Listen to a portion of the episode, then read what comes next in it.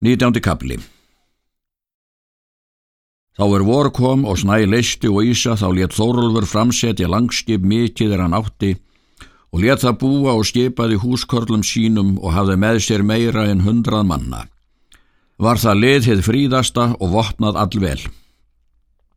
En er byr gaf hjælt Þórólfur skipinu söður með landi og þegar hann kom söður um byrðu þá hjældu þeir útleið fyrir utan eigjar allar en stundum svo að sjór var í miðjum hlýðum.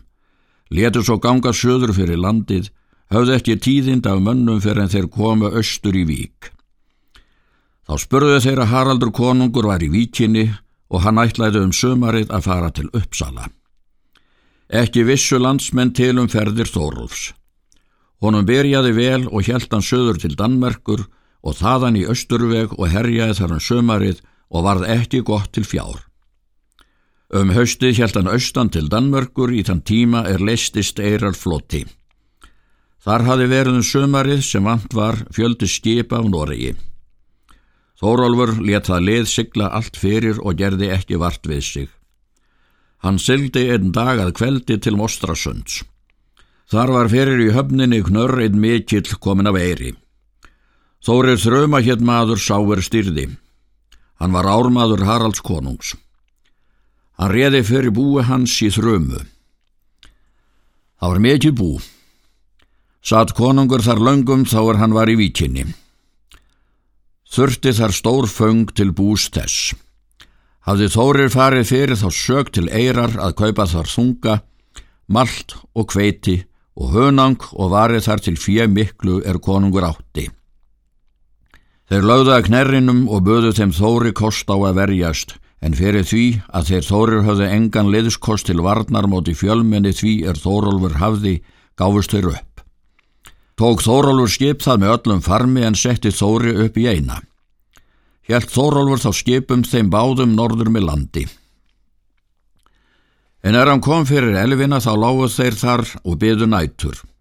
En er myrkt var, reru þeir langskipinu upp í ána og lögðu til bæjar þess er þeir áttu Hallvarður og Sigtryggur. Komuð þeir þar fyrir dag og slóu manngarð, æftu síðan heróp og vöknuð þeir við það er innu voru og hljópuð þegar upp til vopna sinna.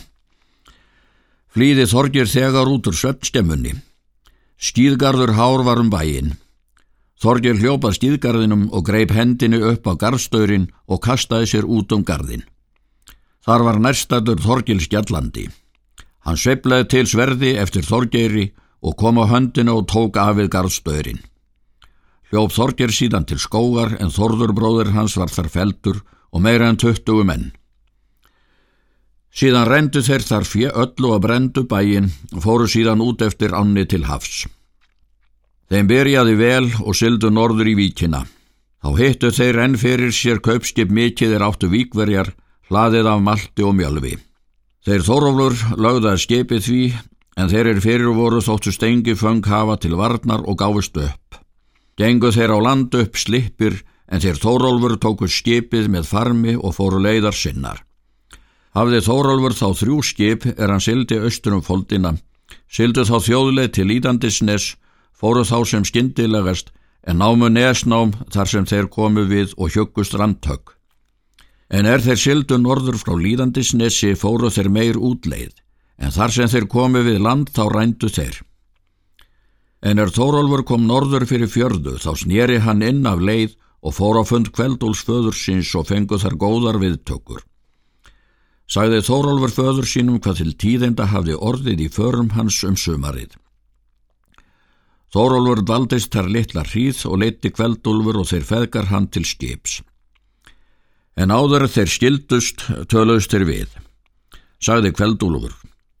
Egi hefur því fjarrri farið Þorólfur sem ég sagði þér þá er þú fórst til hyrðar Haralds konungs að þér myndi svo útgangað hvorki þérni oss frændum þínum myndi hamingja að vera. Hefur þú nú það ráð upp tekið og er ég varaði þig mest við er þú edur kappi við Harald konung. En þótt þú sért vel búin að resti og allri aðgerfi Þá hefur þú ekki til þess skæfu að halda til jafns við Harald konung, er engum hefur öðrum ennst hér í landi þótt áður hafi haft ríki mikið og fjölmenni. Er það mitt hugbóð að sjáverði fundur okkar hins síðasti og væri það að sköpum fyrir aldur sakir að þú lifðir lengur okkar. En annan veg ætla ég að verði. Síðan steg Þórólfur á skip sitt og hjælt á brott leið sína. Er þá ekki sagt frá ferðans að til tíðinda yrði áður hann kom á Sandnes heim og let flytja til bæjarins herfang það allt er hann hafði heima haft en setja upp skip sitt, skorti þá eigi föngað fæða liðsitt um veturinn. Satt Þórólfur heima jafnan og hafði fjölmenni eigi minna en hinn að fyrri vetur.